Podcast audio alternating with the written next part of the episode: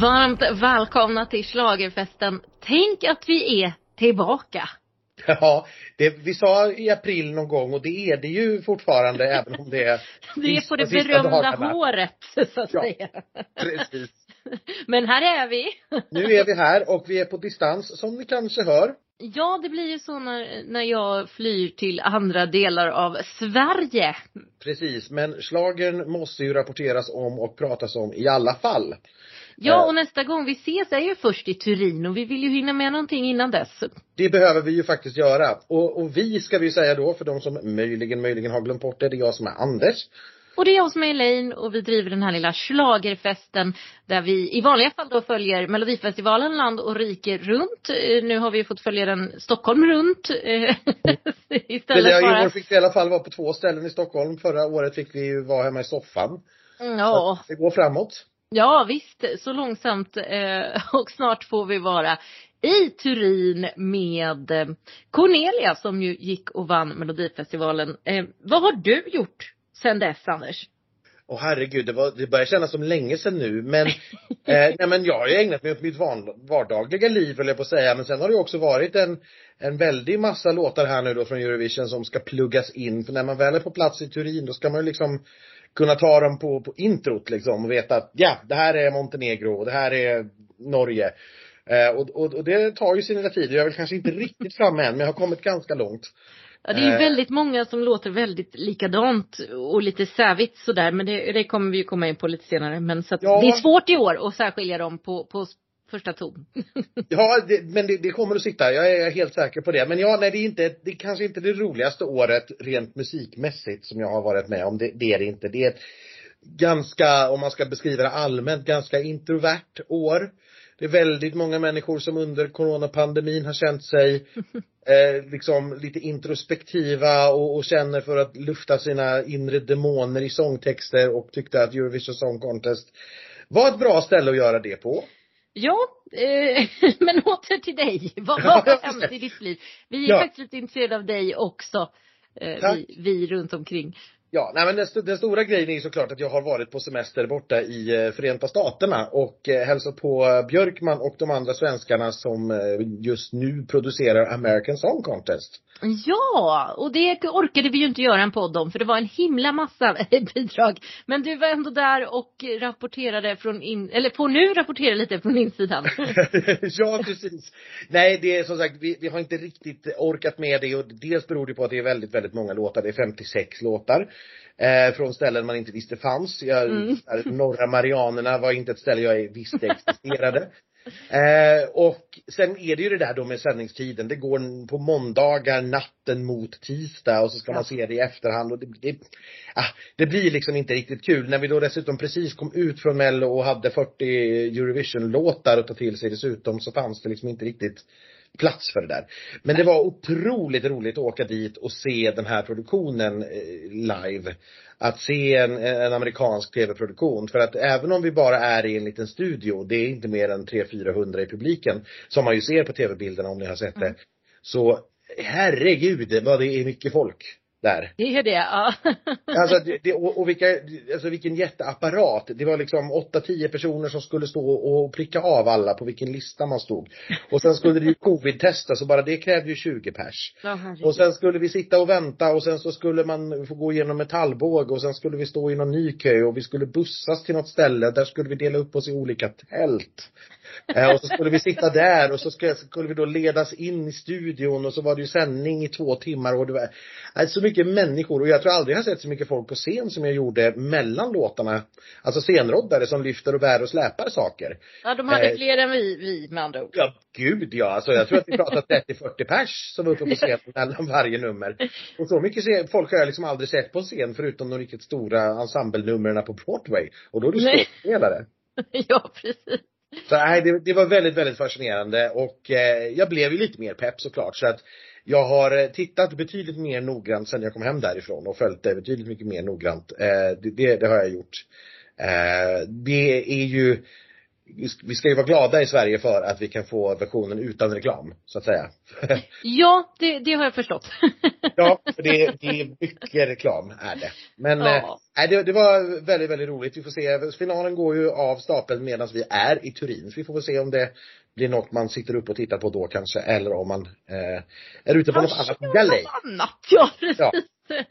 Men vi får följa det på ett eller annat sätt i alla fall. Eh, verkade han nöjd, Christer Björkman, där borta?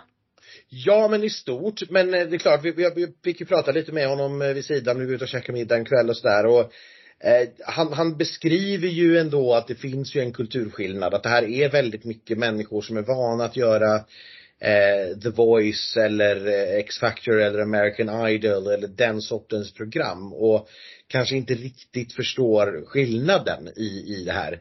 Eh, tyckte jag åtminstone mellan raderna att man kunde läsa in. Mm. Eh, och det är klart, Christer är ju exekutiv producent för det här ihop med en sju, åtta andra personer. Så han har ju inte varit involverad i att handplocka låtarna som han var van att göra i mello till exempel, eller handplocka artister eller sådär. Och han är ju bara en av alla, så att han har ju inte på något vis full styrning på det här. Eh, så att, ja. Det måste men, vara lite jobbigt för honom. Ja, det, det måste vara lite jobbigt. Det, det, det tror jag. Ja. Eh, och nu har vi dessutom nåtts av nyheten att vi ska få en kanadensisk version. Ja. Eh, EPU har men, presenterat. Vi får se vad det blir av det här. Men jag har redan naturligtvis bokat flygbiljetter till Toronto. Ja, det hoppas jag. Men, men det jag inte riktigt förstod var om de skulle vara med som Australien är med och faktiskt tävla sen i Eurovision eller om de bara kör sin egen grej. För de kallar ju det för Eurovision Canada. Ja, och vilket var väldigt märkligt. För det tror jag, ja. det, jag tror inte att det finns någon plan på att släppa in någon Eurovision. Det tror jag inte är aktuellt. Nej, utan nej. någon snarare mello-grej de ska hitta på där, tyckte jag det lät som. Men vi får väl veta mer om det. Ja. Vad det lider. Men du träffade ju också faktiskt eh, schlagerfestfavoriter i eh, Los Angeles. Och frågan är om du fick veta den här hemligheten som nu är ute när du träffade denna schlagerfestfavorit. Eh, jag utgår från att du menar dotter nu då. Jajamän. Eh, precis.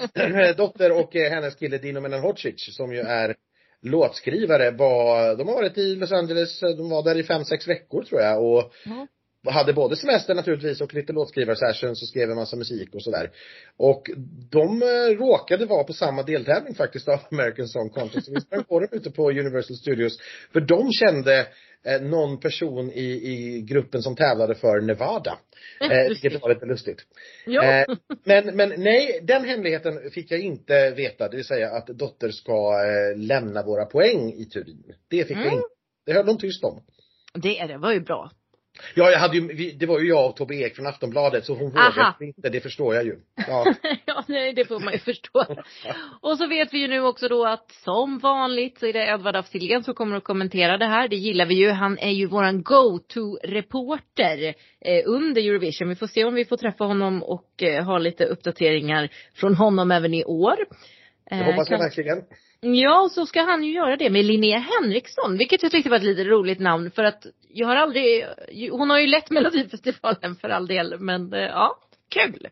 Jag tyckte också det var ett jättekul namn. Jag gillar Linnea jättemycket. Jag tycker det ska bli, det ska bli jättekul. Mm. Eh, faktiskt. Det var så här, för det var som du sa, lite oväntat namn. Mm. Det var inte liksom tvåan i Mello, Anders Bagge eller liksom det där. Åh herregud. Kanske var. Nej, men, men det där, lite från utsidan liksom. Det tyckte jag var, ja, jättekul. Mm, verkligen kul. Eh, och vad jag har gjort sen Mello, det, det, det behöver vi inte prata om, höll jag på säga. Så himla spännande är det inte. Jag har varit en hel del i Malmö, har jag varit. Det. Och det är inte så illa. Nej. Och så har jag blivit granne med Lollo från The Mamas. Just det. det är det mest spännande som har hänt mig. ja, det är som sagt, det är inte så illa det. Man får vara glad för det lilla. Ja, och så har jag förstås också lyssnat in mig på en hel del Eurovision för att eh, förhoppningsvis veta vilka det är som står på scen och vilka jag träffar där i bubblan när vi kommer dit. ja, om vi nu får träffa några. Det är väl lite oklart än så länge. Det är lite oklart fortfarande vad det gäller för restriktioner nere i Italien. Men vi, vi tar det för vad det är och så åker vi dit och så ser vi vad det blir utav det. Ja, vi har pratat lite grann med Head of Delegation Lotta Furubäck och hon var också lite osäker kan man säga, så ingen vet ja. riktigt. Och så är det ju med italienarna. Precis, de släppte ju biljetterna till showerna den 7 april, vilket alltså var ganska exakt en månad innan showen. Och det kan vi jämföra då när Sverige arrangerade 2016, då släpptes biljetterna i oktober året innan. Okay. och det här säger ju såklart någonting om attityden och, och vilken planeringshorisont man har. men, men jag tänkte så här, för vi, vi kommer göra två avsnitt nu om Eurovision innan vi åker ner. Ja. Eh, och sen när vi är på plats, ja men då kommer vi ju att prata varje dag såklart, för då händer det så mycket Jajamän. grejer. Det behöver vi ju prata av oss av. Men i det här första programmet så kommer vi prata lite grann om vilka som är oddsfavoriter. Eh, och eftersom Sverige är med bland dem så, så är det klart, det hade ju varit logiskt att prata med Cornelia, men hon hade inte riktigt tid med oss än. Nej. Nej, men vi har fått tid med henne senare så i nästa avsnitt då kommer ni få höra när vi har pratat lite med Cornelia. Och i det här avsnittet fick vi då istället prata med Lotta som är Head of Delegation, en lagledare helt enkelt. Hur, hur många är ni som åker i svenska teamet i år? Alltså det är ju fortfarande att det är en, en, en ska man säga, en mindre delegation. Det är 20 som eh, men sen kommer det ju och går lite, alltså ur, först när vi åker ner så är bildproducent och ljusdesigner med och sen så byts det av och så kommer låtskrivare och skivbolag och lite sådär ner. Men av de här 20 platserna så är ju en del också till själva eh, antalet som är på scenen, antalet medverkande på scenen. Så det är liksom inte att vi har hela 20 utan det är då egentligen typ 14. Mm. Mm. Hur, hur, många kommer det vara på scen? Det blir bara Cornelia. Det är bara Cornelia där också. Mm. Inget, inget live-vokalstöd så att säga. Nej. Varken på eller, eller bakom scen faktiskt. Så det är ju häftigt. Det blir en väldigt liten delegation eftersom ja, vi har ju varken kör eller dans med. Nej, just det. Mm. Va, hur, hur, eh, hur gör ni om numret då? För att vi vet ju, alltså i Mello var hon ju ute på satellitscenen och gjorde liksom ett 360 graders nummer och det kommer väl inte gå i Turin misstänker jag? Nej, det eh, går inte. Vi, de har ju en liten scen som är, eller ja, framför den stora scenen och vi hade väl planer på att försöka vara där men det utrymmet var faktiskt för litet så vi var tvungna nu att lyfta upp det på den, eh, på den stora scenen. Och då innebär att hon inte gör en 360 vändning. Hon går runt men att hon stannar inte. Eh, utan går ett helt varv kan man säga. Mm. Eh, och sen det vi också har gjort är ju, vi hade ju ett eh, ljuskäglor som gjorde, färgade in våran, vårat mynt. Mm. Men, eh, eller våran cirkel. Men nu så har vi bytt till projektion istället eh, och har en projduk på. Det här är ju också för att ha lite mer kontroll.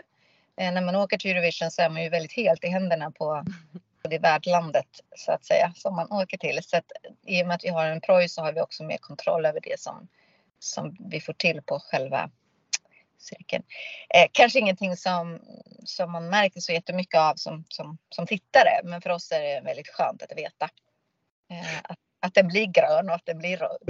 och rätt ställe och att det inte blir, ja nej, vi, vi, som har varit med några år vet ju att ibland så kan det ju bli lite som det blir. Eh, och det behöver inte se likadant ut på repetitioner som i sändning så att säga. Helt plötsligt en person på helt fel ställe och sådär. Ja. Kommer den vara lika stor den här, det här myntet eller är det nytt mynt som åker till Turin? Det är faktiskt samma storlek. Ja. Vi hade lite planer på kanske att göra det något större men eh, det går inte att ta, ha större rekvisita eh, för, för, alltså för, för loading, alltså för att ta in och ut på scenen. Så Just. går det inte att ha större. Så det var måtten som vi, som vi fick ha. Eh, och sen det, den stora skillnaden tror jag som, som, som tittaren kommer se det är väl att vi har öppnat upp sista refrängen. Att den blir liksom större och lite mer Eurovision kan man säga. Har, ni, har de börjat eh, repa med stand-in så att ni har fått se några bilder eller har ni fått se liksom? Vi fick repvideon i eh, häromkvällen här. Då har man ju 24 timmar på sig att ge feedback på ljus och på bild och på staging och propp och content och allting. Så det Kändes det bra? Det, det kreativa teamet. Alltså, det är alltid man sitter lite så här med andan i halsen innan man ska eh, och se den här repvideon då som då är då en elev som och, där när man har en så stark artist som till exempel Cornelia som verkligen äger en, en bild eller en ruta så, så, så är det verkligen skillnad ofta när man får en, en, en elev då som gör det istället och inte haft så mycket reptid kanske. Men eh, och har ju även hört från andra hoddar som har fått det från första scenen med lite så här oj, så. Så att vi var lite oj, men vi känner ändå att det finns, det finns potential. Liksom. Eh, man känner ändå att de har ansträngt sig, men det finns en hel del kvar att göra. Alltså en hel del kvar. Men det finns ändå ett engagemang känner vi. Och de har liksom ändå försökt att, ja de har läst våra, våra notes och försökt att liksom på vissa punkter i alla fall. Så, eh, och det är lite här läskigt, man är ju verkligen så här helt i händerna på, mm. på värdlandet och de eh, kreatörer som är där. Liksom. Man, man, kan ju tänka sig att det är en liten fördel här att det ändå trots allt bara är en artist. Det är inte som sagt fyra dansare och, och kör och mängder med rekvisita som ska funka utan det är trots allt bara en artist. Det finns ju det finns ju gränser för hur mycket man kan misslyckas med det tänker jag på något vis. Till skillnad från från, från, andra typer av nummer. Jag tänker på Tusse förra året till exempel. Det var ju jätteproblem med ljuset där under repetitionerna och de visste inte riktigt hur de skulle lösa det där. Men eh, det här är liksom, vi har fått feedback då från till och med ljusteamet skrev en liten notes där. Oj, mm. vi, eh, vi, eh, det här numret är så delikat och speciellt och eh, man, man, man, tror ju att det kanske är lätt, men det, det, det är svårt för att det är enkelt. Förstår mm. ni vad jag menar? Du kan inte liksom du kan inte ha en stor frontbild av dansarna som fyller utan du måste fylla det med den här ljuskäglan som är precis där eller ja, den vinkeln så att man ja, det, det, är lite mer en utmaning. Mm. Men de har också vad jag upplever det eh, fått feeling eh, där nere i Turin för och det känns ju väldigt bra att de känner att, att de vill få till det och det känns eh, tryggt när man har dem på med sig. Om mm. man säger så. Ja, men för, för, du känner att det funkar bra med samarbetet? De för, ni förstår varandra om vi säger så? Ni pratar samma språk? Alltså, den kontakten som vi har nu hela tiden det är ju samma content team som var i Rotterdam. Alltså som mm. vi hade kontakt och det känns också jättebra för man, nu har man liksom fått en, en, en relation med den person. För det här är ju oftast någon man aldrig har träffat förut eller inte vet någonting om. Men, och där kan jag också uppleva att de, att de, de har, har väldigt stor respekt för, för Sverige och, eh, och kunskapen som finns där. Så det, det, känns väldigt, det känns väldigt bra. Sen, sen hur det går vidare till det italienska teamet. De är ju liksom både holländskt och eh, italienskt team på, på, på tävlingssidan, contest-teamets sida. Liksom. Men hur, hur, är, hur är känslan då totalt sett eh, i både teamet och med Cornelia? Ja, alltså det, det, det är faktiskt väldigt, väldigt, väldigt bra. Är det. Och eh, vi är ju som sagt var en liten grupp, ett litet team, så det blir ju liksom speciellt. Och, och vi repar med Cornelia imorgon igen. Eh, ja, och alla är, är väldigt, väldigt pepp. Och ännu mer nu när man fick den här standing-videon och man såg potentialen och vad det kan bli så blev nog alla också i det kreativa teamet väldigt pepp. Liksom. Det är ju Sasha är ju involverad i, i vårt nummer som, som eh, kreatör och sen har vi ju då Eh, Fredrik Bäcklund som bildproducent och sen Fredrik Stormby som åker med som ljus och content designer.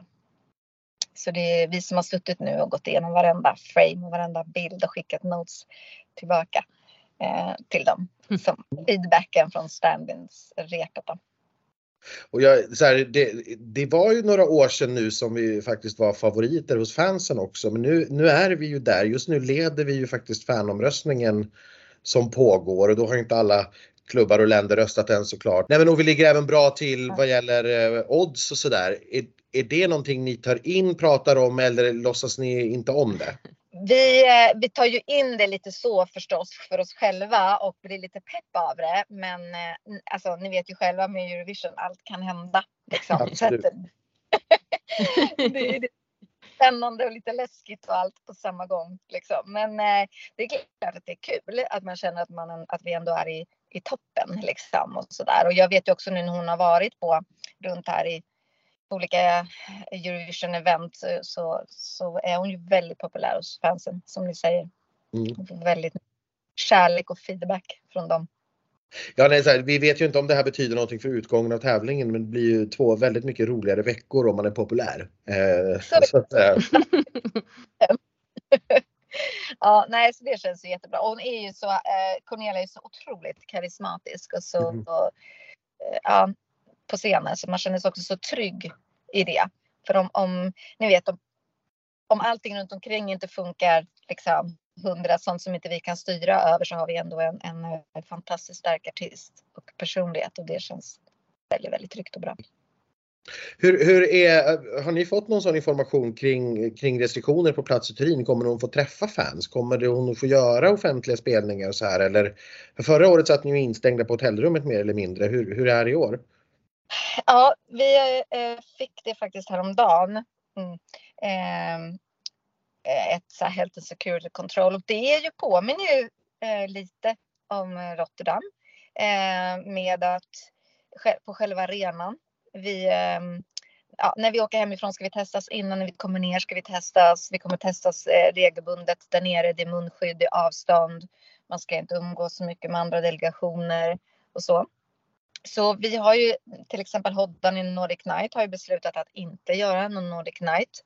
Eh, och eh, det enda som eh, Cornelia kommer göra är Eurovillage, alltså som är ett, ett EBU-baserat eh, evenemang. Liksom, så så det inte, kommer inte bli det här vi brukar göra, ni vet att man åker till kanske någon svensk skola eller ambassader och sådana saker, utan det liksom blir, blir bara det som är eh, under kontroll om man säger så.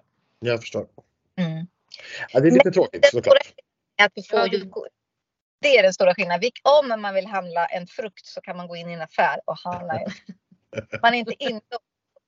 Man behöver inte be en värd köpa lite vatten eller en eh, liksom så. Det kommer ju ändå bli, det, det kommer bli fantastiskt att vi kommer få uppleva Turin på ett, på ett annat sätt kanske än vad vi upplevde Rotterdam. Där fick vi ju som ni vet, vi fick ju gå men vi fick inte stanna någonstans och ta en kaffe eller, hoppa in i en affär liksom. men nu kanske ni får gå på en, på en, restaurang i alla fall? Ja, det får vi faktiskt. Ja, vad mm. trevligt. Mm. Så det ska bli, alltså det gör ju vi, alltså vi hade det jättebra i Rotterdam men det ska bli jätteskönt att få kunna liksom ja, leva lite vid sidan om liksom och få in lite annan energi än bara hotell och arena. Ja, ja. såklart. Mm. Jag, jag har försökt att googla vad som gäller just nu i Turin och i Piedmonte men all, allting som står på nätet är så här, ja det här gäller till och med den sista april. Men ingenting står vad som gäller från den första maj och det är så här, jag, jag, därför är jag lite nyfiken. Jag, jag, framförallt läste jag om nattklubbar och diskon. Eh, mm. det är munskyddskrav förutom när man dansar. Står det. och det är ju då man är närmast varandra tänker jag. Men... Ja, jag tyckte det var en jättekonstig regel och jag har väldigt svårt att tro att folk så här, efter några glas prosecco kanske direkt bryr sig om det. Men... Nej, det är väl det som är då, eh, ska vi säga, lite italienskt kanske. Att det är så här, man, men eh, ja, det, vi fick det här i, i helgen. Att, mm. eh, ja, lite samma som just på själva arenan. Är det samma. Och, och det här med testningar och, och allting. Och det är ju lite spännande för det är inte så många andra länder som har restriktioner på det här sättet kvar längre. Men eh, det är väl också en säkerhet att vi ska få till den här tävlingen. Ja, såklart. Mm. Eh, och jag gissar ifall det skulle gå riktigt, riktigt illa så så har vi ett live on tape framträdande från Friends antar jag? Ja, det har vi. Så att det blir i så fall genrepsframträdandet då som kommer att användas? Ja, faktiskt det utan publik. Vi, vi bandade okay. det på fredag eftermiddag. Vi fick inte ha publik med det här året. Nej, det var... Nej. det vi året. ha publik på live on tape så det hade vi inte då. Så det gjorde vi då på fredag, eh, fredagens genrep eftermiddag. Mm. Jag förstår. Ja. Men det har vi som en backup. Så det känns ja. ju jättebra. Och så illa ska det väl inte behöva gå. Eh, får vi väl hoppas. Vi får hoppas hon får framföra det live. Det eh, vad har du fått för reaktioner från andra Head of Delegations? Har ni, ni har väl varit på ett möte? Har ni pratat någonting? Vad, spekuleras, vad spekulerar ni om? Alltså, vi har ju inte varit på något möte så att vi har träffats utan alltså mer än att vi har okay, teams mitten. Det är där vi har varit. Eh, så gjorde vi i år. Vi fick inte åka ner. Eh, utan vi har träffats på lite möten då. Det är klart att de ser ju också oddsen och, och, och hur, hur, det ligger till. Så det är klart att de, att de tycker att vi har ett, ett starkt nummer och starkt artist och stark låt. Liksom. Mm. Och vad, vad, tycker du själv? Om du bortser från oddslistan, vad, vad har du för favoriter? Vad gillar du? Nej men jag älskar ju Cornelia såklart. Cornelia Men det är ju väldigt starka låtar där i toppen. Alltså, tycker jag. Det är ju liksom mm. italienskan är ju ett spännande språk att, att sjunga på. Och Tror du det är vår största konkurrent då, Italien igen? Nå, det, ja, det är väl kanske Ukraina va? Mm. Det är svårt med Ukraina för det går inte riktigt att liksom resonera rationellt kring det. Det blir ju väldigt känslomässigt hur man än bär sig åt såklart. Och det är ju så. Alltså det är ju det, det pågår ju någonting fasansfullt och jag tror att det är svårt. Det här är ju en tävling men det är också man har ju känslor liksom. Så det, Ja. det, det, det är väl inte- ja. Det, det är som Det, det, det är väldigt, väldigt roligt att de kommer till Turin i alla fall. Det tycker jag är, och jag hoppas de kommer att få ett alldeles fantastiskt mottagande där. Det, Det tror Det- i, i, I det lilla man kan göra så, Ja, eller hur? Så man unnar dem ju allt, allt, allt liksom sådär. Så att det är ju... men ja, jag vet inte, då har vi fått lite koll på läget va Elaine? Ja, det tycker Ja. jag. Nej då, är ni pepp? Mindre Ja, pepp alltså- när man hör om restriktionerna för er och att det inte blir Nordic Nights och att det blir mindre liksom kanske häng med, fa- Ja. med fans och sådär. Men vi kommer säkert ha jätteroligt på vårt håll ändå tror jag. Ja, nu var det ju några år sedan man fick åka sist liksom. Man har ju inte varit sedan Tel Aviv så att nu Nej. Men jag känner så här, det, vi behöver ju, vi behöver ta hem det här så vi kan styra upp det lite grann. Men nu- de släppte ju biljetterna till exempel 7 april, en månad innan. Och som du säger, vi åker om en vecka, vi vet fortfarande inte riktigt vad som gäller med vilka restriktioner så här. Så att nej, det här behöver vi styra upp nu. Ja. Så vi tar hem det. Ja, det är lika bra. Vi, vi litar på er, eh, att ni gör, att ni fixar det, så får vi ett fantastiskt Eurovision nästa år i Sverige. Och där har vi ju då indirekt, du ska förstås få prata lite mer om eh, Cornelia, men indirekt har vi ju avklarat då, eh, odds tvåan är väl Cornelia nu? Nej, hon är trea, är hon. Attans! Ja, darn. Eh, för, för vi har eh, så här, om vi tar dem nerifrån då, på femte plats just nu ligger Spanien, sen har vi Storbritannien. Trea är Sverige, tvåa är Italien och på första platsen har vi Ukraina. Eh, och vi kommer få prata mer om det sen men vi, vi, vi var ju inne med det med Lotta också att det här är ju det är ju väldigt, väldigt svårt alltså att ha ett rationellt samtal om det och göra en rationell bedömning av dess chanser för det är ju något helt annat som som så att säga kommer i spel här. Ja, det handlar ju varken om låt eller eh, artist eh, eh, Eller i det fallet. Eller något. Nej, utan det är något helt annat och, och, Mm. och det blir väldigt, väldigt svårt. Men vi, vi tar det när vi kommer till det. Ja, vi, vi kan väl börja nerifrån på den här listan och prata lite grann om Spanien. Ja, men det tycker jag, för det är ju en av mina favoriter, Anders. Ja, men det är en av mina också. Ska, ska vi ta och lyssna på en liten snutt också? Ja.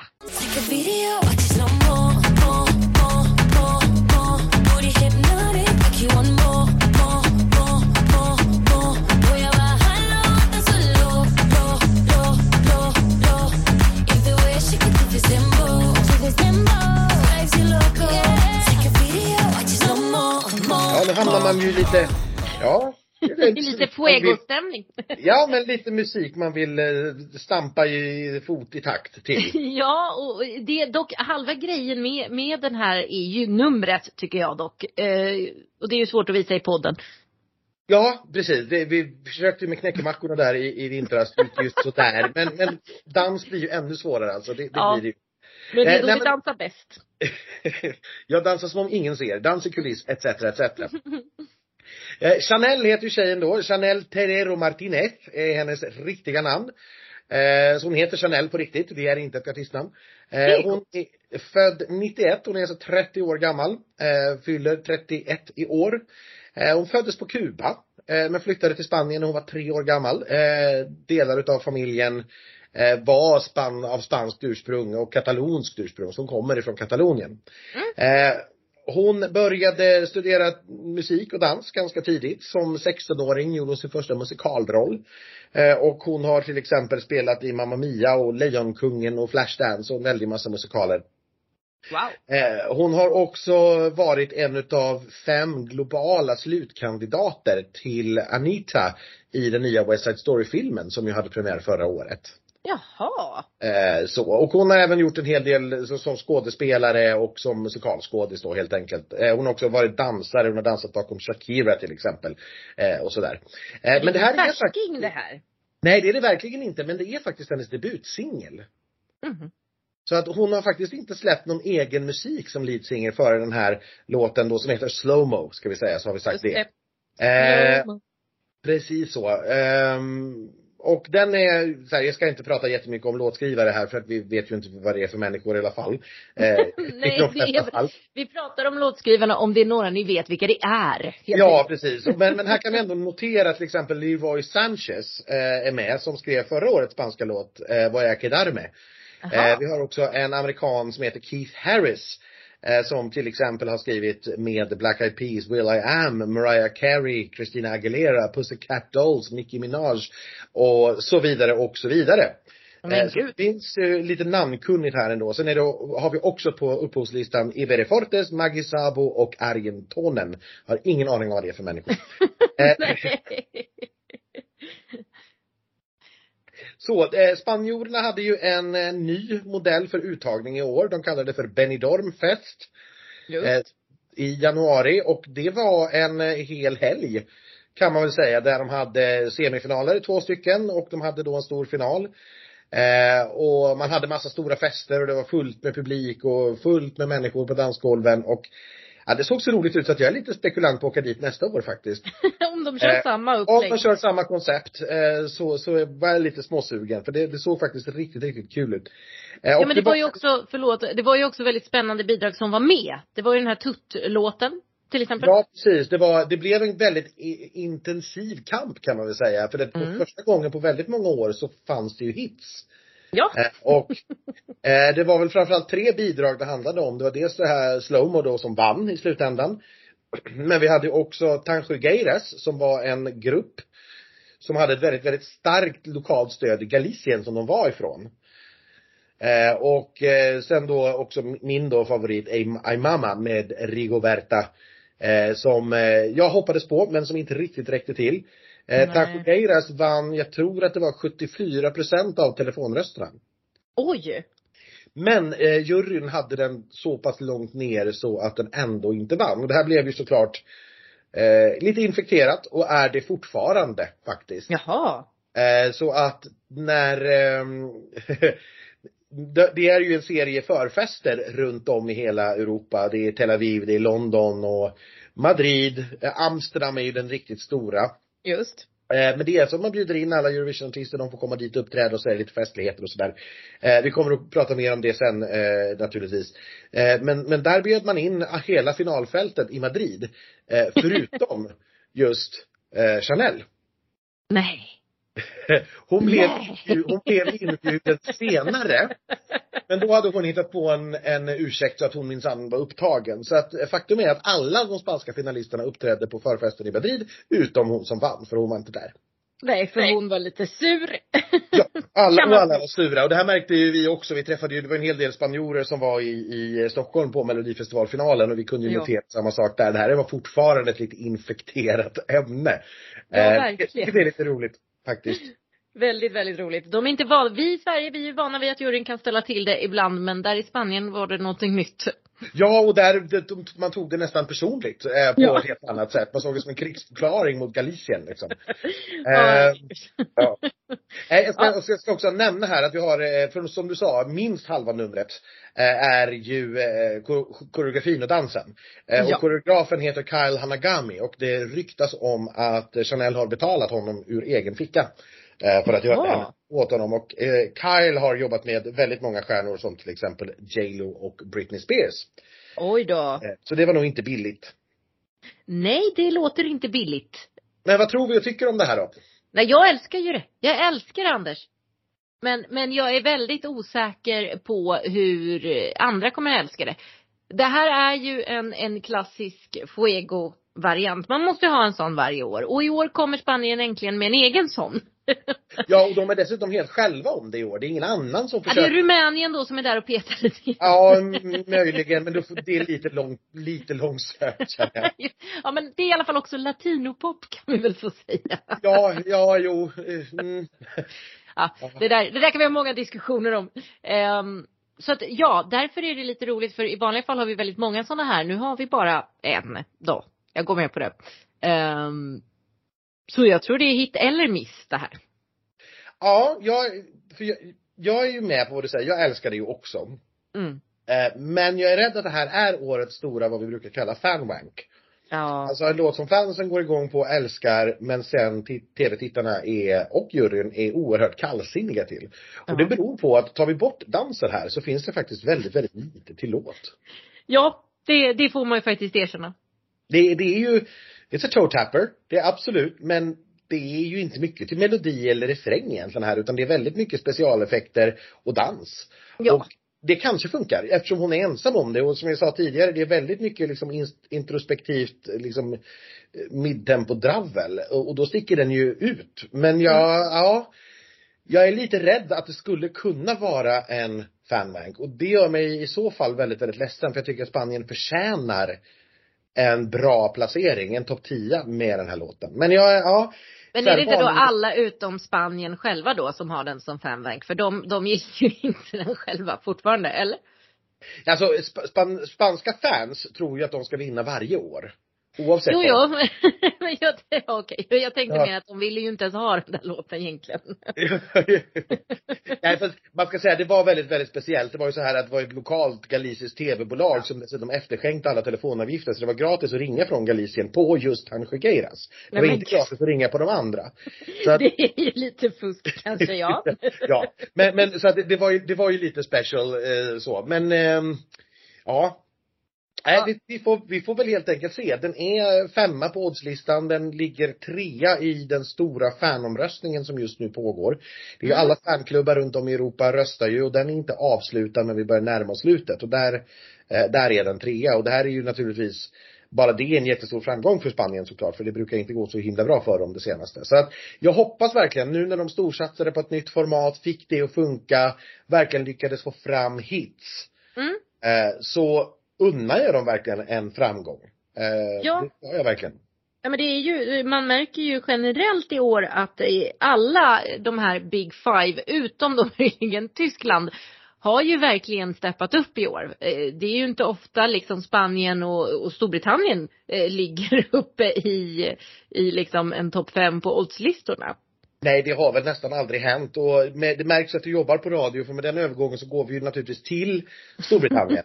Nej. på fjärdeplatsen. Och där, där är det ju då Sam Ryder, eller Sam Ryder Robinson som han heter på riktigt.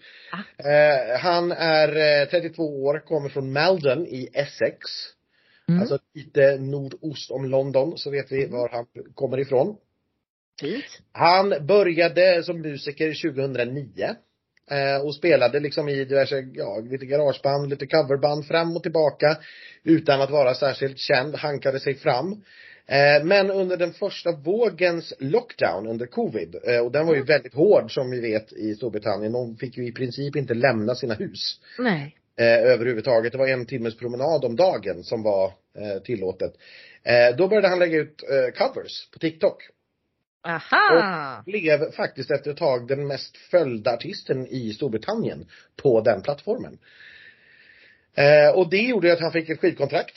Eh, och hans debut-EP som släpptes, eh, The Sun's Gonna Rise heter den, har nått över 100 miljoner strömmar sedan dess.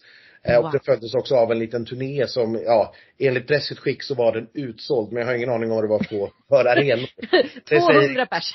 Ja, det, det, det, det kanske inte nödvändigtvis säger så mycket.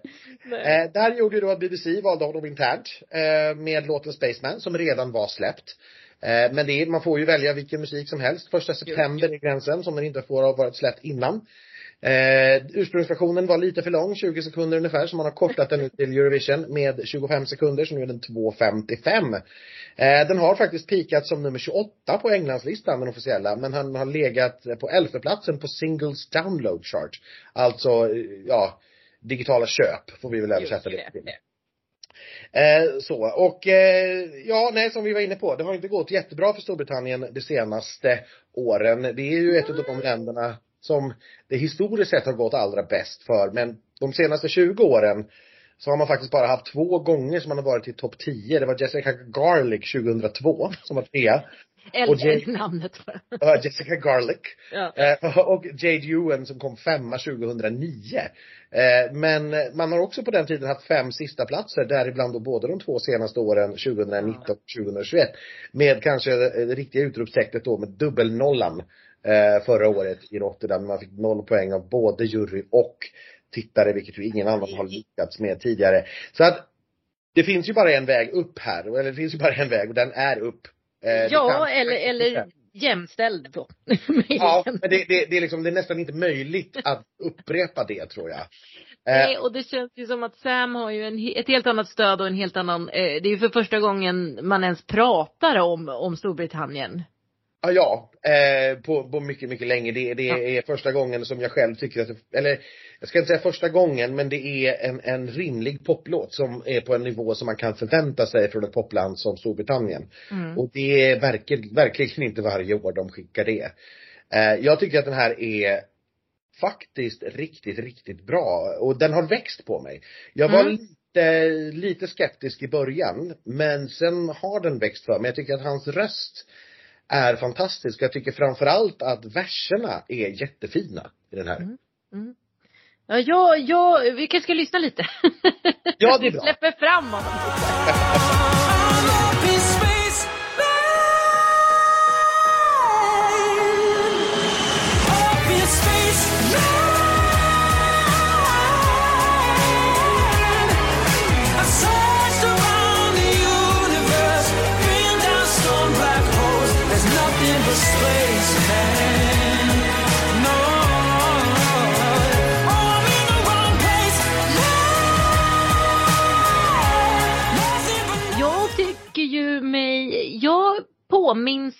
lite om sådär Elton John-aktigt.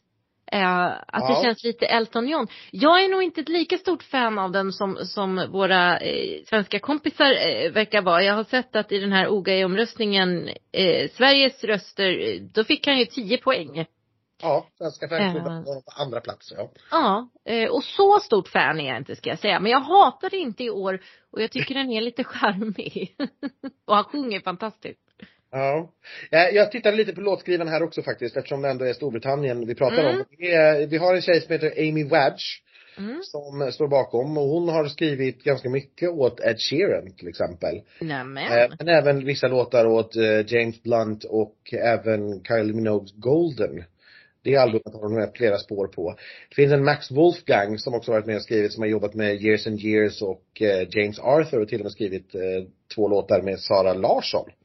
Ja, det är inte dåligt. Nej, det är inte dåligt. Det är, det är liksom det riktiga etablerade låtskrivare som skriver världshits som han har Ja. skrivit den här låten ihop med. Och jag tycker att det märks att det finns en kvalitet i det här som tidigare har saknats i Storbritannien där det har känts mycket mer amatörmässigt. Ja, verkligen, verkligen. Det, det, nu känns det som att de tar det på allvar. Ja, tidigare har man ju haft känslan lite grann av att BBC liksom verkligen, ja de tar jättegärna en bra placering men det får absolut inte bli så bra så att de vinner för då måste de ju arrangera och det kostar massa pengar. Men man ska ha klart för sig att även om Eurovision inte är liksom en stor grej i Storbritannien och det ses ganska mycket som ett skämt så har det väldigt höga tittarsiffror. Ja. Så att per, utslaget per tittare är det här ett utav de billigaste programmen som BBC sänder varje år. Alltså man har flera miljoner tittare på en lördagkväll och man når publik som man normalt sett aldrig når.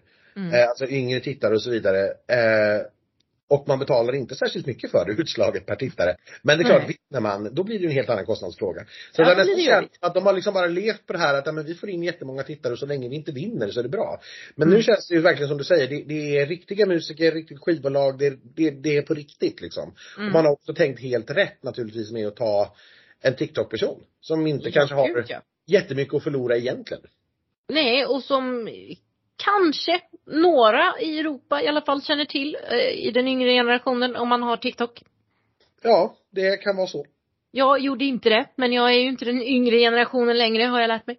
Nej, och jag har inte TikTok, så att jag, och jag är det definitivt inte. Nej. Men han är grym helt oavsett. Ja, så heja Storbritannien. Det vore jättekul om de också kunde få en topp 10 placering i år. Det, det, det tycker jag faktiskt. För då kan det börja hända grejer på riktigt. Kan, Ja. kan man få hits här igenom då kommer ju fler vara intresserade i Storbritannien av att vilja ställa upp. När man, Ja. Om man ser och, och liksom överbevisar alla de här människorna som säger att ja men alla bara röstar på grannländerna och det är bara politiskt och allt vad Ja, det jag har ju sett väldigt många stor, stor, storbrittiska. många brittiska fans eh, som eh, skriver att eh, ja, ja, för en gång skulle skickar vi något bra men det spelar ingen roll för det handlar inte om musiken, vi kommer sist ändå för alla hatar oss. Typ. Ja. Ja. Och, och, det, och det är ju sådär, det är ju naturligtvis jättelöjligt för att det Ja. är klart att det inte är på det sättet. Sk- Skickar man, slutar man skicka, skicka skitmusik så kommer det gå bättre. Sluta skriv skit. Ja, som Galenskaparna sjöng en gång i tiden. Jajamän. Och med det ska vi till något galet kanske på nummer tre på oddslistan. Ja, det är ju då Sverige och här tog ju eh, Sverige tog ju den här, så fort Cornelia hade vunnit Melodifestivalen så Mm. sjönk ju våra odds ganska drastiskt. Ja, Så att från att ha varit liksom i en klump eh, bakom Ukraina och Italien så blev vi liksom tydliga treor. Mm. Och där har vi legat kvar. Sen har det pendlat lite grann upp och ner så här. Men, men egentligen så händer ju nu ingenting förrän vi börjar se repen på plats i Turin såklart. Nej. Eh, och jag vet inte vad mer vi ska säga om det här som vi inte redan sa under Melodifestivalen. Eh, Cornelia har ju varit ute på på de här Europaspelningarna på lite miniturnéer. Hon har varit i London.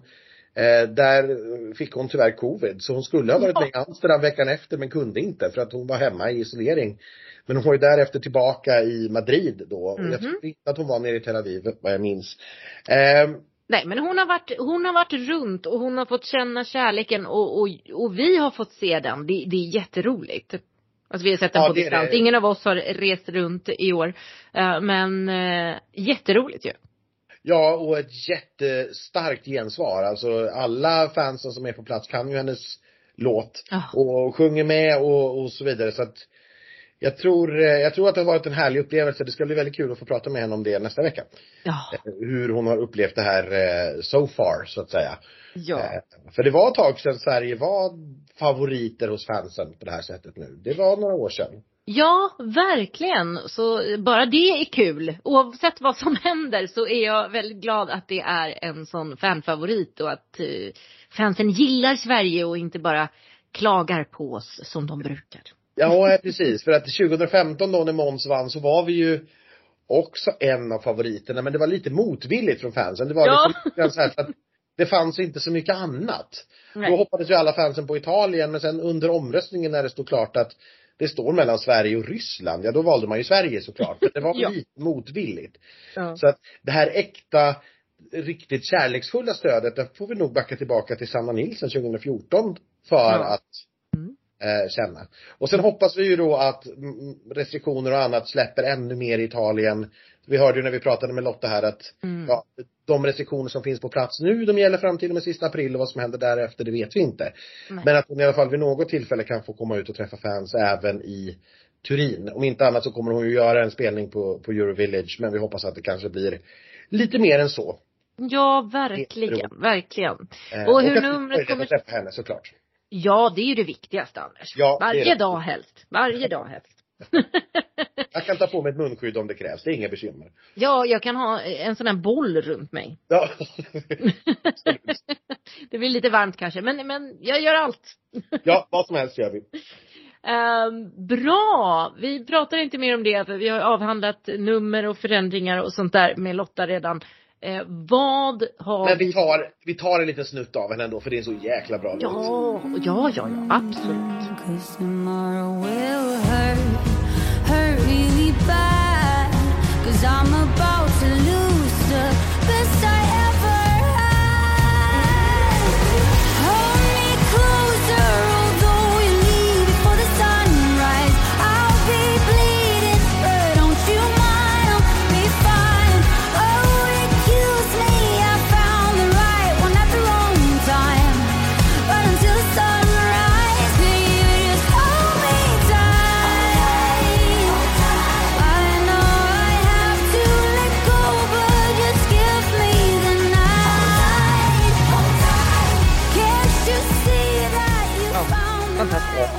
det är en bra låt alltså. Det är, Blir man inte berörd, då är man knäpp, skulle jag säga. ja, de, man har fel. Jag skulle gå så Ja. långt. Ja, man kan Eh, men, men, men som sagt, så, som vi har varit inne på nu några gånger, det är ett lite introspektivt år och jag, det, här- den går ju lite grann i samma stil den här. Fördelen är ju att den är ju klart bäst av dem. Ja, och jag skulle ändå vilja påstå att av alla dem så sticker den här ut för att hon har en, ett väldigt unikt sound. Hennes Mm. röst är väldigt unik. Hennes, eh, hela hennes eh, presence är ju unik på ett annat sätt än de andra. I alla fall eh, innan vi har sett dem live. Ja. Ehm, Ja, men så jag, jag håller att med. Hon har ett uttryck som är, sticker ut bland alla.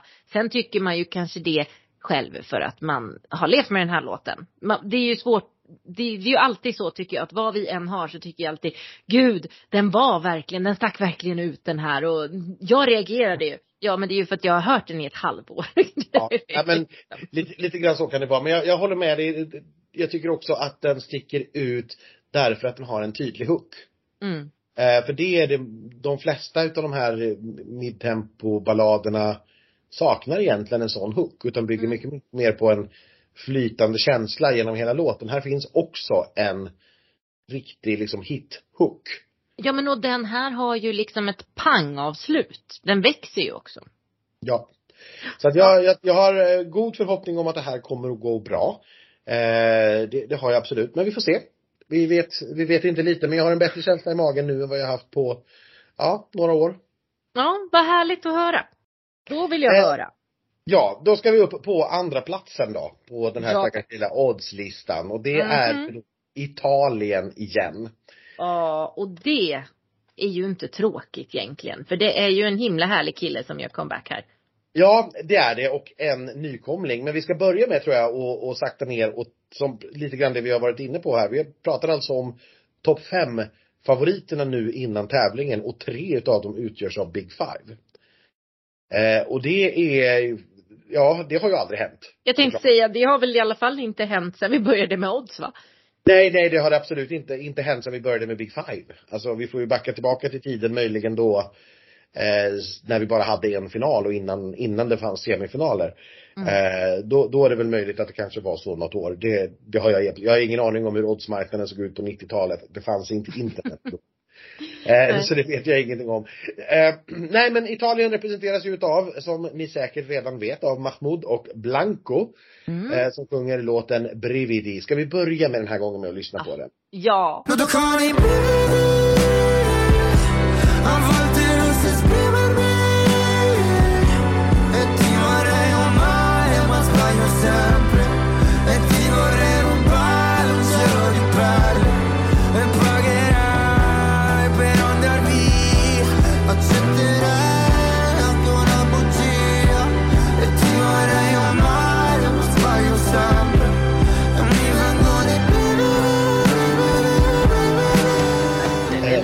Är, den är så vacker tycker jag. Ja, det- den är bara så otroligt fin. Brividi betyder eh, shivers, jag vet inte hur jag ska översätta Typ svenska. gåshud.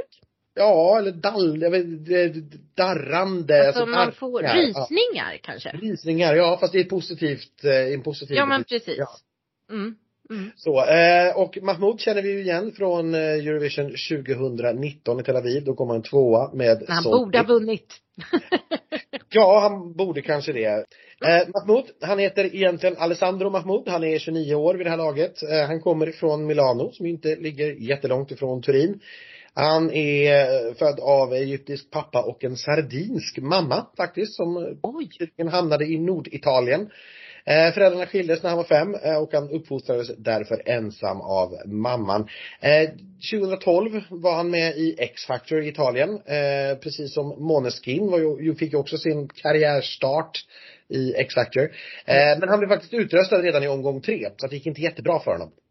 Nähä. Eh, men då började han studera musik och skriva låtar. Han skrev till exempel åt Marco Mengoni, som vi också känner igen från Eurovision Song Contest. Mm. Eh, 2016 var första gången han satte sin fot i San Remo. Då var han med i nykomlingsdivisionen. De har ju lite olika sådana här för, Ja. för proffs och för Den där 70 nykomlingar. dagar långa festen. Ja, nej, men då, då, Giovanni heter den som, som han då var med i 2016. Eh, 2018 så var det en förtävling till San, San Remo. där två stycken då i Giovanni-divisionen fick en plats i liksom riktiga San Remo. Och den lyckades han då vinna och efter att ha legat ganska bra bit efter faktiskt under San Remo-veckan så vann han ju då till slut med Soldi och fick åka till Tel Aviv där han slutade tvåa. Eh, den låten, den toppade topplistan i fyra länder och låg i topp 10 i ytterligare fem. Eh, och det var den mest strömmade låten i tävlingens historia. Därefter så blev ju Arcade en stor eh, viral TikTok-hit. Just. Eh, och då sprang den om så att eh, Arcade har idag över 700 miljoner strömmar. Eh, men Okej. så det har 200 miljoner strömmar vilket också är enormt mycket för en Eurovision-låt. Ja, verkligen. Eh, och nu i år då så eh, gör han sak tillsammans med Blanco som egentligen heter Riccardo Fabriconi. Han Vilket härligt namn! Ja, Riccardo Fabriconi. Mm. Han är nyss fyllda 19. Eh, så det är en ungdom. Han är från Lombardiet. Han är uppväxt i en liten by vid Gardasjön. Det låter ju jättevackert. Jag har inte Nej, sett men det. alltså. Det låter ju jättefint. Ja. Eh, han blev också, han är också egentligen en, en produkt av pandemin som vi vet drabbade Lombardiet allra hårdast i hela Europa. Ja. Eh, men han eh, släppte EPn Quarantine Paranoid. Ja. Eh, och den la han ut på Soundcloud i juni 2020. Och det här blev en stor succé. Han fick väldigt snabbt ett skivkontrakt och la ut, eller släppte då det första studioalbumet Blue Celeste i september 2021. Så det är ganska nyligen. ja, verkligen. Eh, den blev eh, listetta, eh, sålde fyrdubbelplatina. Eh, han har eh, släppt flera singlar som har blivit nummer ett på topplistan eh, och mer, eh, minst sju låtar har sålt minst platina. Vissa utav hans singlar har sålt fem och sex dubbelplatina. Eh, och det är alltså ett genombrott som har hänt på ett år ungefär. Ja, Det är ju galet. Ja, det, Och sen det, slog man ihop de här två till en duett. Det ja, var inte konstigt att de, de vann då, kanske. Nej, det, det, var, det var det inte. De blev ju storfavoriter redan från början och höll för trycket. Och, Mm. För det här är så verkligen två av Italiens absolut största namn. Alla kategorier. Och jag vet inte vad vi skulle jämföra det med, med svenska, alltså vi ska jämföra det med svenskt. eh, Jag känner att Victor Lexell gör en duett med Molly Sandén eller någonting sånt. Darin! Ja, kanske Darin. Alltså vi, vi pratar riktigt, riktigt stora tunga namn liksom. Det är, Mm. eh, Brividi har ju redan strömmat 76 miljoner gånger. Herregud. Eh, den har sålt fyra gånger platina i Italien och, och det räckte faktiskt, de inhemska strömmarna i Italien räckte till en eh, femte plats på den globala Spotify-listan. Eh, Ja. Så att den har även legat listetta i Schweiz, ska vi säga. Eh, och den har också slagit rekordet för antal Spotify-strömningar på en dag i Italien. Så att det här är ju en, ja, större hit går nog inte att hitta i det här startfältet i år. Vi, vi är ju imponerade av Cornelia i Sverige som ju har legat etta flera veckor på topplistan. Mm. Eh, och hon har också strömmat mer än platinum men det är inte fyra gånger platinum. Där är hon inte riktigt än. Nej, nej. Det är Eh. lite mindre människor också väl? Eller? Ja, jo, fast gränserna är ju satta därefter. Ja, ja, okej. Ja, ja. så att eh, Ja, vi är färre människor, inte mindre. Nej, kanske det också. Ja, ja det, jag har ingen aning om det, ska jag säga. Det är mycket pasta i Italien som sagt. ja. Ja. Nej men så att det här är, det är utan jämförelse skulle jag säga de två största stjärnorna vi har i årets Eurovision som nu gör en duett. Men de är ju stjärnor i Italien. De Ja. är ju internationella storstjärnor på det sättet men de eh, är ju dominanter i italiensk musikindustri. Och både liveframträdandet och videon, ja det är så vackert så att jag, Ja. ja, ja. Nej men liveframträdandet blir, blir man, man får ju brividi av det. ja verkligen alltså. Det är otroligt. Eh, men hur känner vi, tror vi verkligen att Italien, alltså, gör de så här för att de vill ta hem det två gånger i rad eller vill de bara vara super på hemmaplan? Har de en chans att ta hem det två gånger i rad eller kommer folk liksom känna att nej nej, vi ska inte ha en dubbelvinst här, även hur bra det än är? Jag tror inte att tittarna riktigt bryr sig om det. Eh, däremot kan det mycket väl finnas jurymedlemmar Mm. som kanske inte riktigt undrar dem det utan håller nere och då tror jag inte att det här är en stor grej kanske men det, det räcker kanske att några liksom här och där håller ner dem lite och, och så räcker det liksom inte riktigt. Men jag tror absolut att de kan vinna igen med det här och för egen personlig del så är ju det här mycket mer min musik än Måneskin. Ja, eh, ja, jo detsamma. Men, men, men så här, vi, vi ska ju ha klart för oss, Sanremo har ju de har ju återuppfunnit Sanremo. Det var också en tävling som var lite grann på utdöende. Men sen kom det in en ny producent eh, som verkligen, verkligen har ett öra mot liksom, den italienska marken. Vad, vad är det folk vill höra? Mm. Eh, och det är ju helt enkelt ja, vinnaren av Sanremo blir erbjuden. Eh, och man har ju ingen baktanke med det. Det är ju inte någon som gör Man ett får säga nej, eller hur? Man får säga nej. Eh, men eh, det är klart att båda de här två kommer ju nu uppifrån Norditalien och får tävla på hemmaplan. Ja, svårt att säga Nej. Ja, jo det, ja, absolut. Även om man fick råda av, för båda två hade ju utsålda turnéer. Eh, som man fick i stora arenor som man nu fick råda om lite då med datum för att de skulle göra detta istället. Ja. Eh, men det gjorde de säkert gladeligen. Nej men jag, jag tror alltså, jag, jag tror absolut att de kan vinna igen. Eh, det som möjligen talar emot dem är ju att det som Italien har misslyckats med de senaste åren har ju varit staging. Ja. Eh, man har haft, man har varit favorit flera år men inte riktigt lyckats få till stagingen. Nej. Måneskin blev ju på det sättet lite enklare för det var ju ett band. Det går inte att göra det Exakt. så vansinnigt många sätt. Exakt, det hade knappt gått och misslyckats liksom. Nej och sen är de extremt fotogenika och, Ja. och sångaren är ju liksom sex på två ben. Mm. Hoppas vi får träffa honom Anders. Man vet aldrig. Nej. Eh, nej men så att det är väl det då att om de skulle misslyckas med det och möjligen också då att det finns några enstaka jurymedlemmar här och där som tycker att nej nej minsann inte en gång till. Mm. Så, så skulle det kunna vara men jag, ja. Jag tycker inte det är orimligt att de eh, är tvåa på oddslistan, så kan vi väl säga. Och i, Nej. i fanomröstningen som pågår så är det ju Sverige och Italien som omväxlande leder, kan vi väl säga, den omröstningen. Mm. Mm. Mycket spännande. Mycket spännande. Och det som är mindre spännande höll jag på att säga, men det är, det är ju inte mindre spännande, men det är ju den då som är etta på oddslistan, eh, Ukraina. Och, och Ja. det är ju spännande för att eh, Ja, för att de hade inte legat där om inte världssituationen hade sett ut som den gör, tror jag. Eh, Nej, det tror jag mindre kan... spännande för att det är väldigt tråkiga omständigheter. Ja, precis. Och det gör, eh, som jag har sagt många gånger nu redan, det, det går inte att prata om det här på ett vettigt sätt. För vi har, vi har inga paralleller att dra. Den, det närmaste vi kommer är ju Bosnien eh, 1993. Mm. Som tävlade i Mill Street och de blev utsmugglade ur Sarajevo av FN-soldater under beskjutning. Just. Eh, och kom till Mill Street och tävlade och det gick ju inte så bra för dem. Det var artiga applåder och folk stod upp men det blev ju inga poäng. Nej. Eh, å andra sidan så, det var inte en speciellt bra låt kanske. Jag älskar den, eh, men, men det var kanske inte en jättebra låt som var till för, för de flesta. Det fanns ingen telefonomröstning, det var ju bara juryomröstning. Och sen var det dessutom ett krig som vi inte riktigt brydde oss om för vi förstod oss inte på det. Nej. Eh, det var ett så komplicerat krig, det fanns liksom inte en tydlig eh, good guy och en tydlig bad guy. Så som det ju gör i det här kriget. Här Nej, vet vi vem det är som lite mer tydligt. Ja, det är väldigt tydligt vem som är the good guy och bad guy. Mm. Eh, Men vi vet ju inte, kommer det här att omsättas i röster?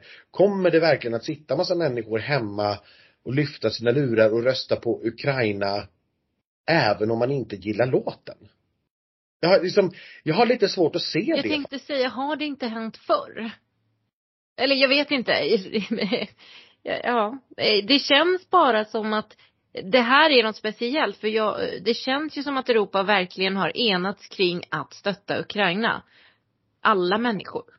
Absolut. Eh, och då är, men, men frågan är fortfarande i det här fallet, stöttar man Ukraina genom att rösta på dem i Eurovision? Är det, är, ja, alltså, och det är verkligen en helt ärligt ställd fråga. Ja, ja, ja. För det finns inga paralleller att dra. Vi har, vi har ingenting att, att bygga det här på. Jag, jag minns under eh, eh, 2018 under direktsändningen när eh, den här människan stormade scenen under Surris nummer. Mm.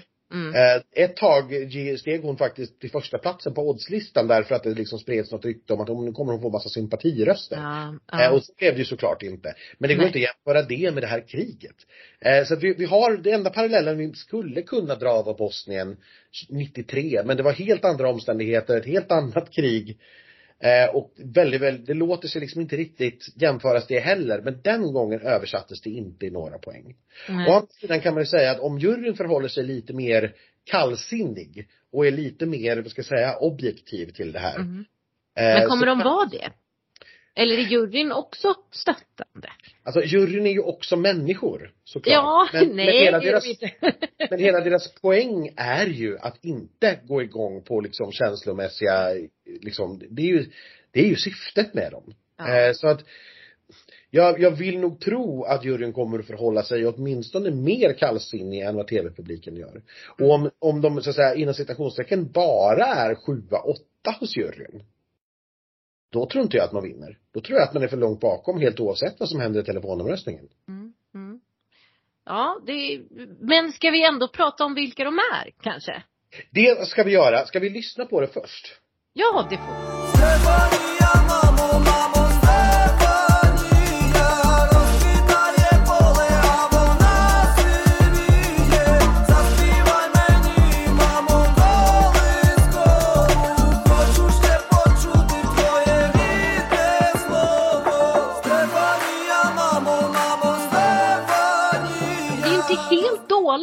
Är ju det. Det är ju inte, det är ju inte svindåligt heller. Jag skulle till och med gå så långt som att säga att det är inte alls dåligt. Nej. Eh, och om de skulle vinna så är det inte omöjligt att jag tycker att det är deras bästa vinnare.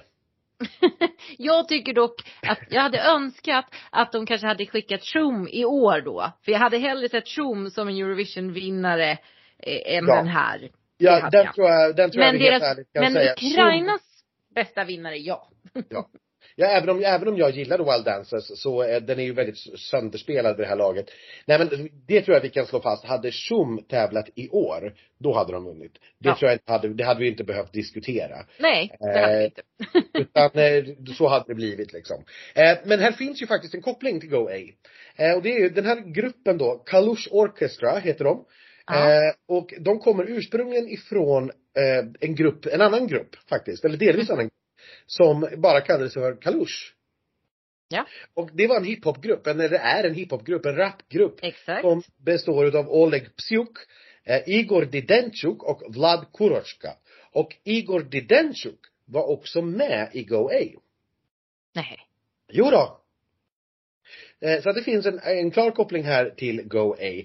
Eh, 2019, eller förlåt, eh, den bildades 2019. Ja. Eh, och man har till exempel ett kontrakt med amerikanska Def Jam Recording som är ett ganska känd skivlabel. Ja. Eh, just för hiphop och R&B. Men 2021 så annonserade man projektet Kalush Orchestra. Eh, som då vid sidan om rappen skulle blanda in eh, ukrainsk folkmusik och traditionell musik. Ja. Vilket vi ju känner igen då från Go A, det är ju så att säga samma spår. Eh, Ja. Och i februari 2022, det var ungefär två veckor före invasionen, Ja. så tävlade man i Vibir som var den ukrainska uttagningen. Där slutade man tvåa på, efter vinnaren Alina Pash. Hon valde att inte åka eh, att tacka nej efter en diverse kontroverser. Det ryktades om att hon hade tagit sig till Krim på olagligt sätt. Eh, och, och det här är ju väldigt, väldigt känsligt i Ukraina såklart. För Mm. vi, vi pratar gärna om den ryska invasionen av Ukraina nu i februari 2022. Men vi ska inte glömma att invasionen påbörjades 2014. När man annekterade Krim. Man får åka till Krim, eller man fick före, före det här upptrappningen av invasionen. Men man var tvungen att åka rätt väg. Man fick Mm. inte åka via Ryssland in på Krim. Och det ryktades då att hon hade gjort. Hon visade upp eh, stämplar i sitt pass som visade att hon hade tagit rätt väg men det hävdades istället att det var förfalskat. Ja. Eh, och då sa hon att, vet ni vad, jag har inte gjort något fel men jag, det här är faktiskt inte uppmärksamhet eller en strid jag orkar ta. Jag vill tävla och uppträda för Ukraina, om ni vill bråka så får ni hitta någon annan. Mm. Så då tackade hon nej. Två, eh, frågan gick då istället till andra platsen Kalush Orchestra som tackade ja och i princip dagen efter så invaderade då Ryssland eh, Ukraina. Ja. Eh, och det som eh, har hänt därefter då är att flera i det här bandet, för de har då, Kalush Orchestra har fått med sig, man har eh, kallat in eh, för att få till liksom den här traditionella musiken Timofey Musishuk, eh, Vitali Dushik och sen har man också en bakgrundssångare, Andrew Handzushik. Ja. Handishuk, förlåt för uttal. Handishuk. Ja, ja, du. De är Eh, bättre än mina. Eh, Flera utav de här har varit med i eh, stridigheter eh, och på olika sätt man kört ambulans och hjälpt till i försvaret av Ukraina. Eh, och som vi vet så är det ju olagligt för män mellan 16 och 60 att lämna Ukraina. Mm. Eh, idag. Men de har fått ett specialtillstånd att lämna landet från mitten av april för att åka runt på alla de här europe- europeiska eh, ja, förfesterna men också göra media och tv och radio i alla tänkbara europeiska länder och där försöka samla in pengar till den ukrainska, både krigsinsatsen men också till humanitära insatser såklart. Mm. Jättebra. Eh, den, här, den här låten har ju eh, haft vissa framgångar på TikTok och blivit lite grann av någon sorts samlande kraft för det ukrainska folket på TikTok. Eh, så det har blivit en symbol för motståndskraften på något vis mot, mot Ryssland. Vi ska också säga det att den sista här vars namn jag hade problem med, Andrei Handzychuk, eh, han har utan egentligen vidare kommentar, han har inte kunnat åka. Och vad det beror på vet vi inte. Men han är ersatt av Oleksandr Slobodanjik. Ja. Eh, som kommer att vara backup singer då i Turin och som har varit det därefter. Så att det här är ju, det är ju ett otroligt imponerande band. Eh, för det är klart, det är en helt annan tyngd att representera sitt land under de former som är just nu än vad som gäller för alla andra eh, artister för alla andra länder. Ja. Och det här, jag, jag känner ju det också att det här är ju det är ju en annan tyngd. Jag vet bara inte om det kommer att översättas till poäng i tävlingen. Nej. Och det, vi måste försöka gissa det för det är det vi är här och satta att göra. även om det känns ganska ointressant. Alltså, hade det inte varit en situation som är så hade jag, jag hade nog ändå haft den på liksom min topp 10 tror jag för att jag tycker att det är en, är en bra låt. Men då hade jag nog inte tippat den någon högre stans på topp 10.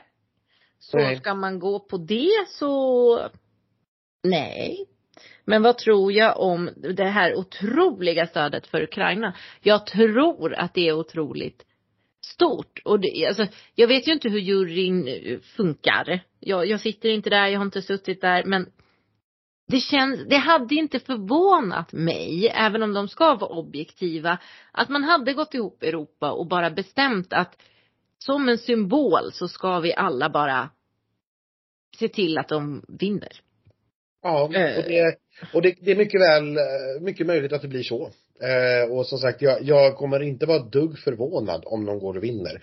Eh, jag blir inte dugg förvånad, jag kanske till och med förväntar mig det att de vinner telefonomröstningen. Mm. Men frågan är med hur mycket. Vi ska ju heller inte glömma bort att vi betraktar ju, vi- upplever ju världen utifrån Västeuropa. Det finns en Mm. hel hög med länder här där stödet för Ukraina inte alls är lika stort, utan där stödet för Ryssland kanske snarare är större. Vi har länder här som Ja, Serbien, Vitrysk. Ja, Är Belarus- de med? Belarus får ju inte vara med eftersom Nej, just det. de är uteslutna ur EBU. Men Just vi har det här klustret, Bra koll! vi har det här klustret med länder, inte ens eh, Ungern får inte heller vara med. Eller de har valt att inte vara med ska vi säga. Just det, de vill. Men vi har, men, men Serbien är ett land som har väldigt tydliga proryska tendenser. Eh, vi har lite dålig koll tror jag på hur läget är i, i andra delar av Balkan här neråt Nordmakedonien och Montenegro som brukar hänga ihop ganska tätt med Serbien. Eh, vi har eh, hela det här gänget med Georgien, Armenien, Azerbajdzjan. Där vi nog inte ska utgå från att befolkningen i, i någon stor utsträckning eh, känner någon sympati med Ukraina. Absolut ett hat mot Ryssland, det känner man i de här länderna. Mhm. Eh, eftersom eh, Ryssland invaderade ju Georgien redan 2008. Ja. Eh, och det finns ju en stor känd gränstvist mellan Armenien och Azerbajdzjan i Nagorno-Karabach som Ryssland tycker att de har rätt att lägga sig i. Mm. Men ett hat mot Ryssland räcker ju inte. Man måste ju känna ett support mot för Ukraina i det här fallet. Och det är jag inte alls säker på finns där. Och då är vi liksom uppe i ett antal länder där det inte riktigt har det här stora stödet heller. Eh, Så att, men, men med det sagt då, nej jag blir inte alls förvånad om de vinner. Jag eh, förväntar mig nästan att de vinner telefonomröstningen. Mm. Eh, men jag är inte säker på att det räcker ända fram. Eh, utan, mm. Samtidigt, ja, eh, det vi, det vi har lärt oss eh, genom åren är ju också att vi vet ganska lite innan vi har sett live. Exakt. Man, man vet fasen ingenting. Och Nej. allting kan vända och allting kan hända när det börjar bli repetitioner på plats i Ja. Turin. Så, så är det ju verkligen. Varje år är det ju en eller två länder som liksom presenterar sig Mm. vid repetitionerna Mm. och som ingen riktigt har tänkt på innan och som helt plötsligt bara seglar upp. Eh, på tal om Ukraina, Jamala var ju en sån. Det var ju ingen som Ja. pratade om henne som en potentiell vinnare innan vi hade sett det. Eh, och sen steg hon och steg hon och steg hon på oddsen. När vi var framme vid final så var hon faktiskt tvåa på oddsen. Eh, Mm. Eleni Foureira var det faktiskt ingen som pratade om, absolut inte som en vinnarkandidat. Det var en fanfavorit som vi tyckte om men inte mer Ja. än så. Nej. Förrän vi såg numret, för då jäklar hände det grejer. Så att varje år, Go A skulle jag säga var en sån förra året. Eh, Även jag, Måneskin, alltså det pratades ju om dem. ja, Men, men det var inte förrän de stod på scen som någonting hände ordentligt ju. nej, men de kom inte så långt nerifrån. Nej, det Eh, gjorde de inte. de, låg liksom inte i mitten på oddslistan. Nej. Eh, så att, och det går ju helt enkelt inte, vi har ju inte en suck att veta vilka det är som ska presentera sig. Jag har väl en dark horse kanske i Nederländerna som jag tror är en sån som kommer att gå Ja. riktigt, riktigt bra. Eh, som inte alls är min låt egentligen men, men jag verkligen, verkligen tror på. Mm. Eh, och sen får vi se om det finns fler som med hjälp utav sitt nummer kan eh, liksom lyfta sig till ganska oanade höjder så att säga. Eh, Ja. det, vi skulle kunna ha Frankrike där, en, en fjärde Big Five-are. Åh. Eh, Att inte är- de ligger där på topp fem redan. ja, Men det där kommer vi prata om i nästa avsnitt.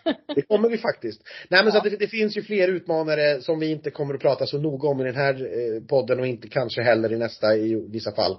Men vi vet ju att vi ingenting vet förrän vi har sett det. Det, Nej. det kan man ha helt klart för sig. Och när börjar repetitionerna i Turin, Anders? Repetitionerna förstår du Elaine, de börjar faktiskt nu på lördag redan. Eh, då är det den första halvan av den första semifinalen börjar alltså med Albanien och eh, slutar med Moldavien. Och sen fortsätter det med första maj, andra maj och eh, Cornelia då för Sverige repar första gången den tredje maj. Eh, och hela delegationen åker ner den andra maj. Eh, Ja. Så att de åker ner i nästa vecka. Men eh, innan dess så ska vi få ha pratat med henne en liten stund. Ja, Eh. eventuellt kommer vi prata med henne faktiskt eh, när hon har landat i Turin. Det ska bli så spännande. Jag vet inte om det är före eller efter. Eh, jag vet bara att det är under den samma dag som hon åker. Just precis.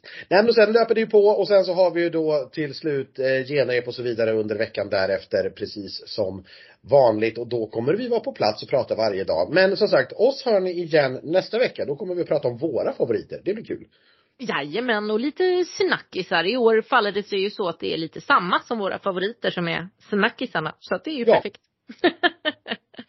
ha det så bra tills dess. Eh, Happy Eurovision höll jag på att säga, men det är ju inte riktigt än. Happy Valborg, säger jag. Ja just det, Happy Valborg och, och glad första maj. Eh, bär plakat, bli inte. Just.